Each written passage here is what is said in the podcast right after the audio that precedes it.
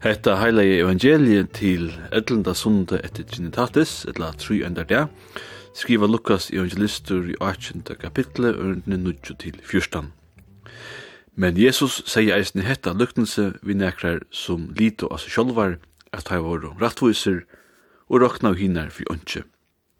Tvar menn får nian i helgedomen er halda bøn, annar var farisiare og annar tottlare. Farisiaren stod og bæsvolais fyrir seg sjolvan. Jeg takkje der god at jeg ikke er som er menn, rånsmenn, åretviser, hårkattlar, etla lykka som hessen, tottlaren.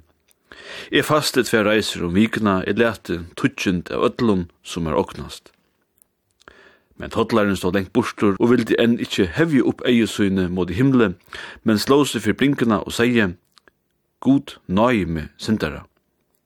Jeg sier til hon, hesen for rattvistgjørtur heim til husa, men hin ikkje, til einig for som setur seg sjálvan høgt, skal vera setur lokt, men han som setur seg sjálvan lokt, skal vera setur høgt.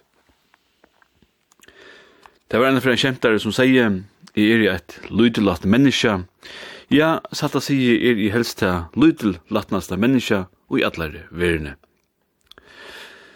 Det sikst at det krevst gå samviska kjønn handelsmanne om man skal selja elastikk etter malebandet.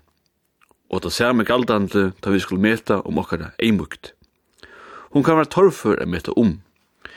Det er jo kjøtt av et enda som kjemtaren og sia at vi er det mest beskjettene og følelsene i heimnum. Men prædikoteksten i morgen er en kjentur tekstur, hva vi bare finne han, nyskriver han tja Lukasse. Og det er jo så kjøtt å halda at for herra sjåan til samme smak som vit, at han sjåan til tåsar om hinne, ta han tåsar om farseran, og om okkun, ta han tåsar om den beskjettna, tottlaran. Men vid eier korsen ikkje gløyma at tøytøyne var hampa hampamauren, som bei fastaie og let tutsjund av sinne løn, medan tottlaren bei svikaie og arbeidde fyrir romverska hirsettingavalde. Men som onker sagt, til ganske færre sindra av farisera og i hentan tattlara. For skal sia, at som så er talan ikkje om avvis menneskjo og tåsa vi rom, men heldur om menneskjastligar egenleikar og vira vi kjørter. Og tog er lagt til hesson tattlar nun at koppa iver til hygl, heldur enn eimukt, tog er som løtum onkur heldur seg sjálvan vera, særlig eimjukan, er hetta blivit til hukmau og stoltleika og fals. Farisieren brettjer seg heller ikke av nøkron. Han røpte ikke om alt tempeplosset, men be stittelslige for seg sjølvan, og takka i at han ikke var som tottlaren. Men moneren og som farisiera og tottlare var at tottlaren tog imot Han tog imot som er baden, utan å brettja seg av sin eimukt, utan å samanbæra seg vi nekran annan. Og i sunnum endemenningum spyr sveisiske høvenden Max Frisch om nekkar nekkar du hefur sett tvar hundar og møte på en øron, tåse om ein tria hund, tøytar annars ikkje vita hva det skulle gjera. Og hilde vi fram, heva vi nekkande seg trutjar hundar som kvore sunnu leie er bengne fyra færa fra hinebavun, hunden, tar bengni fyrir er hinebair, eller hver hinebair, fyrir a si om hin, ta han færin. Nei, det har vi neivan, du såleis er hundar. Hinvegin er etta rattliga menneskjatlitt.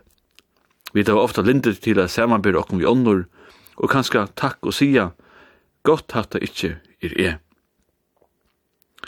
Det var tyske professoren Helmut Tilke, som sier i en bok om Jesu luktenser, at lukteren av svavlnum i helheime er ikke råkna at måte til lukte, ta i råd kjemur ui Guds nøye.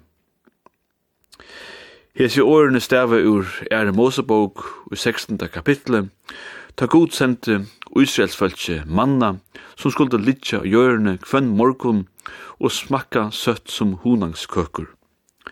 Hetta skulda god djeva taim og kvenn dea, vi du treit, at de ikkje skulda sauna ni fire. Ta var da sjåan til onkur som gjørte, fyrir ikkje vera bunden av gods gavun kvenn dea. Det var nek tryggare at det var sauna seg ni fire, enn at lyt og at gavene fore vira givnar. Men morgun etter var alt her som var sauna ni fire, fullt i matje, og tatt lukta i idla. Tu sier Helmut Tilke at lukteren av svavelnån i helheime er ønskje rokna at måte til lukte, ta i råt kjemmer i gods nøye.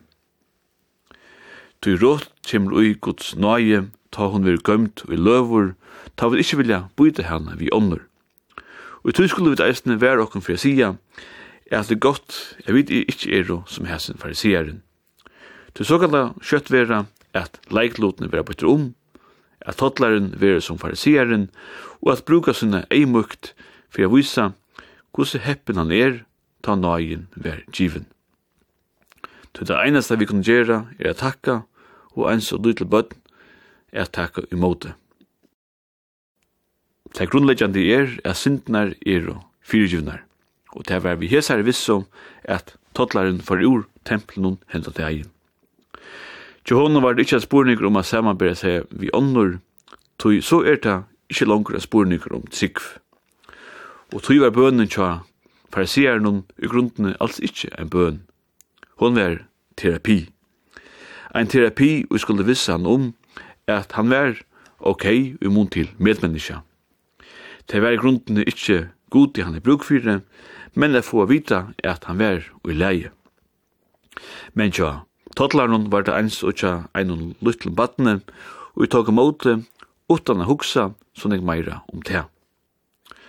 Utan er for hugsa om, om han og måtte vera luttel latnasta menneska og i allar verne som kjemtaren tog til. Tui så hei han ikkje langer haft leikloten som tottlaren, men hei ivtidje leikloten tja fariseeren. Vi enda kvöld vi salmenon god gjerme til et lyd ljós. Nikolina av kameran sang i Sandavoks kyrkjo. Gåan sundag.